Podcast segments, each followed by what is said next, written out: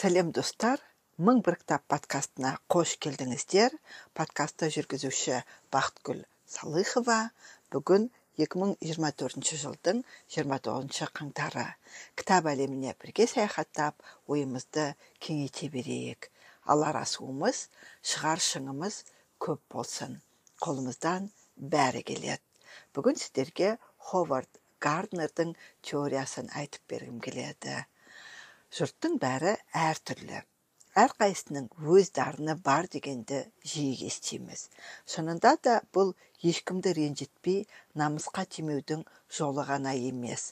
Адамдардың ақылды болуы және әртүрлі екенін айтатын көптеген тұжырымдар бар. Біз америкалық психолог ховард гарднердің интеллект теориясы туралы сөз қозғаймыз. Ол ақпаратпен жұмыс істеу тәсіліне әсер ететін интеллекттің тоғыз түрін бөліп шығарған. Оның теориясы әр адам бірдей істі неліктен әртүрлі атқаратынын түсіндіреді. Өзінің керемет ақылды ақылдылығы үшін мақтау алу немесе оны жай ғана ақылды деп атағанын есту көп адам үшін өте маңызды. Ақылды адам басқалардан жоғары тұрады. Өйткені оның ақыл ойы басқа адамдардың ақылымен салыстырылады. Интеллект көбінесе біздің психикалық әлеуетіміз біз осы ақылмен дүниеге келдік оны өлшеуге болады және оны өзгерту қиын қабілет ретінде анықталады. Ақылды болу жақсы бірақ бұл анықтаманың кемшілігі де бар. Біреуді ақылды сондай ақ әдемі деп атау біздің жеке тәжірибемізге және осы ұғымды түсінуімізге негізделген. Сондықтан мұндай сын есімді шектеуші деп санауға болады. Оған қоса ол бізге үлкен қысым көрсететінін де ұмытпайық. Өйткені біз әркім үшін өзімізше ақылды және әдеміміз. Интеллектті өлшеу мақсатында IQ тестілеу тұжырымдамасы жасалған. Дегенмен интеллектті өлшемейтін және барлық адамдарды белгілі бір деңгейге жеткізуге тырыспайтын басқа теориялар да бар. Мысалы гарвард психологы ховард гарднер ұсынған көп бағытты яғни көп салалы интеллект теориясы. Көп бағытты не көп салалы интеллект теориясын 1983 жылы гарднер жасап шығарған. Гарднер гарвард университетінің когнитивтік психология және білім беру теориясы бойынша оқытушы болған профессор. Оның теориясындағы интеллект тек тілдерді білу немесе математиканы білу емес ол бізге берілген қабілет дағды және дағдылар жиынтығы ретінде қарастырылады. Ховард гарднер ең танымал жұмысы таңдаулы бестік табысқа жетелейтін ойлау стратегиялары деп аталады.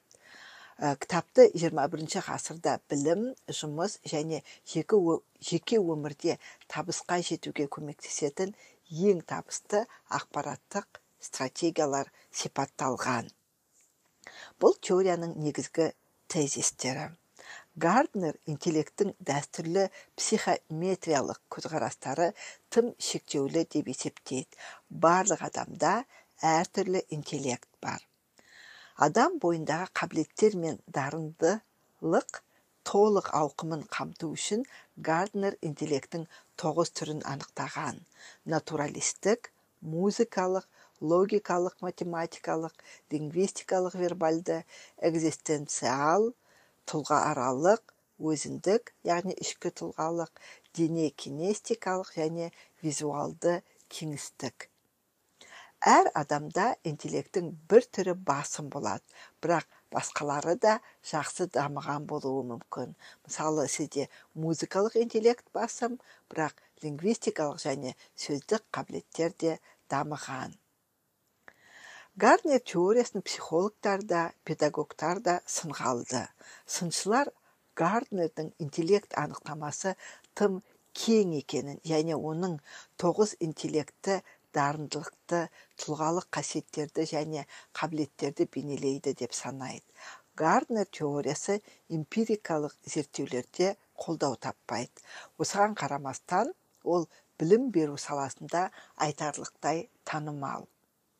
Себебі ол ә, көптеген мұғалімдер бұл тұжырымдаманы өз оқушыларын жекелендіру үшін пайдаланады. Көп бағытты интеллект теориясы білім беруде де танымал. Себебі ол педагогтардың күнделікті тәжірибесін растайды. Оқушылар мен студенттер әртүрлі ойлайды және әртүрлі үйренеді. Тоғыз түрлі интеллект бар екен деп айтып жатырмыз. Енді осы интеллекттің тоғыз түрін жеке жеке қарастырып шығайық. Бірінші көрнекі кеңістік интеллекті геометрик геометриялық есептерді шешу немесе көлемді кескінді салу не кез келген адам өз басында үшді модельдер жасай алмайды. Бұл қабілет көрнекі кеңістік интеллекті бар адамдарға ғана тән. Күшті жақтары визуалды және кеңістіктегі бейнелерді жасау оларды оңай өңдеу. Адамның қасиеттері. Оқуды жазуды сурет салғанды ұнатады. Бас қатырғыштарды тез жинайды. Суреттерді графиктерді және диаграммаларды жақсы түсіндіреді. Карталарды есте сақтайды және жерді шарлайды. Потенциалды мансабы. Қай жерде жұмыс істеуі мүмкін? Сәулетші әртіс инженер. Екінші интеллект лингвистикалық вербальды интеллект деп аталады. Интеллекттің бұл түрі бар адам сөздерді өз мағынасында тиімді қолдана алу қабілеті бар. Мықты жақтары ақпаратпен тиімді жұмыс тілдерді тез меңгеру және жазу. Адамның қасиеттері жазбаша және ауызша ақпаратты жақсы есте сақтайды оқуды ұнатады және жақсы мәтін жаза алады нанымды сөйлейді жақсы түсіндіреді әңгіме кезінде әзілді жиі қолданады. Ә, потенциалды жұмыс орны жазушы немесе журналист заңгер мұғалім. Үшіншісі логикалық математикалық интеллект. Әдетте интеллектті анықтауда қолданылатын ең айқын көрсеткіштер логикалық және математикалық қабілет. Гарднер тұжырымдамасында бұл интеллект түрлерінің бірі. Күшті жақтары үлгілерді тану және ақпаратты талдау. Тұжырымдамалық ойлау және математикалық есептерді жылдам шешу қабілеті. Адамның қасиеттері. Мәселені шешудің тамаша дағдылары бар. Абстрактілі түрде ойлай алады. Ғылыми эксперименттер жүргізуді ұнатады. Күрделі есептерді жақсы шешеді. Потенциалды мансабы ғалым математик бағдарламашы инженер бухгалтер. Төртінші интеллект дене кинестикалық интеллект. Ақыл мен дененің жоғары координациясы дене кинестикалық интеллекті бар адамдарға тән. Күшті жақтары жоғары физикалық белсенділік айқын координация ептілік тактильді есте сақтау. Адамның қасиеттері жақсы билейді және спортты жақсы көреді. Өз қолымен заттарды жасағанды ұнатады тамаша физикалық координациясы бар. Және төзімділігі жоғары. Қай жерде жұмыс істеуі мүмкін? Олар биші бола алады құрылысшы мүсінші және актер. Бесінші интеллект музыкалық интеллект. Егер адамда музыкалық шығармаларды элементтерге бөлшектеп ондағы дыбыстың барлық аспаптарын қадағалап отыру қабілеті болса ол музыкалық зерденің иесі. Күшті жақтары ырғақ сезімі есту және музыкалық талант. Адамның қасиеттері ән айтқанды және музыкалық аспаптарда ойнағанды ұнатады. Музыкалық шығармаларды оңай болжайды. Әндер мен әуендерді жақсы есте сақтайды. Музыкалық құрылымды ырғақты және ноталарды түсінеді. Көбінесе музыканттарда композитор әнші музыка мұғалімдерінде кездеседі.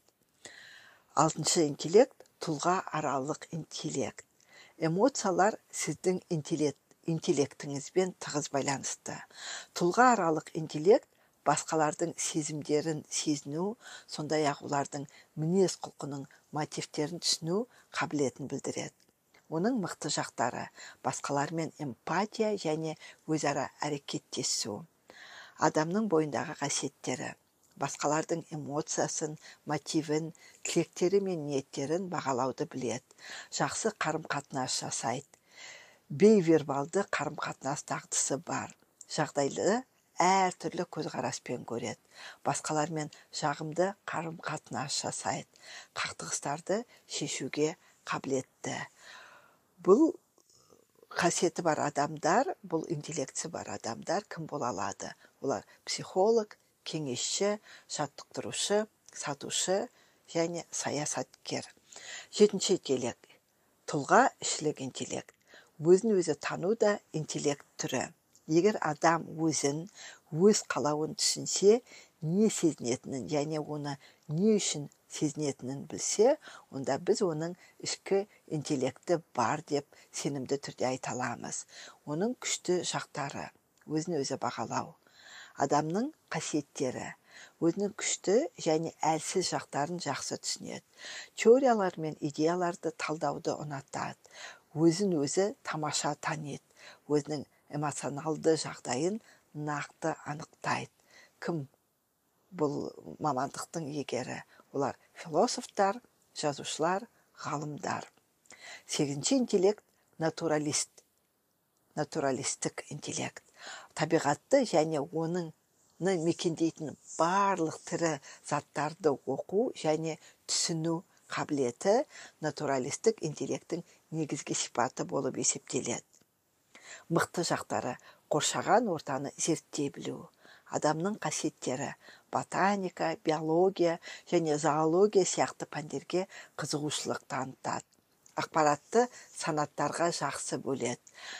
Кемпингтерді бағбандықты жаяу серуендеуді және ашық ауада серуендеуді ұнатады. Табиғатқа қатысы жоқ бейтаныс тақырыптарды оқуды ұнатпайды. Қай жерде жұмыс істей алады? Олар биолог табиғат қорғаушысы бағбан фермер болады. Тоғызыншы интеллект ол экзистенциалды интеллект. Неге және не үшін өмір сүреміз? Өлгеннен кейін бізге не болады?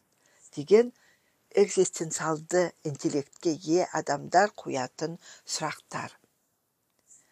Және соларға арналған сұрақтар. Күшті жақтары. Терең сезімталдық және іргелі сұрақтарды шешуге қабілеті жоғары. Осы сұрақтарға жауап іздеуге құштарлықпен кіріседі. Адамның қасиеттері. Өмірдің мәні туралы сұрақтарға жауап іздейді. Үнемі ой қорытуға бейім пікірталастарды және дауларды жақсы көреді. Басқа адамдардың түсініктері мен идеяларын зерттейді. Кім бола алады? Психоаналитик діни сала маманы әртіс суретші. Гарднердің ұсынған тоғыз түрлі интеллекті яғни көп салалы интеллект теориясының көптеген жақтаушылары да қарсыластары да бар. Дегенмен теорияның дағдылар мен таланттарды анықтауда пайдалы екенін жоққа шығаруға болмайды.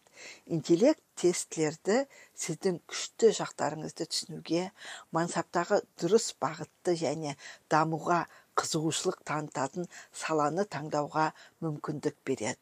Сондай ақ математикадан мүлдем хабардар болсаңыз да бұл міндетті түрде интеллекттің жетіспеушілігін білдірмейтінін білу өте жақсы деп ойлаймын. Осымен мың бір кітап подкастының бүгінгі эпизодын аяқтаймын. Кітап оқып ойымызды шыңдай берейік. Подкастты жүргізген бақытгүл салыхова келесі кездескенше сау болыңыздар.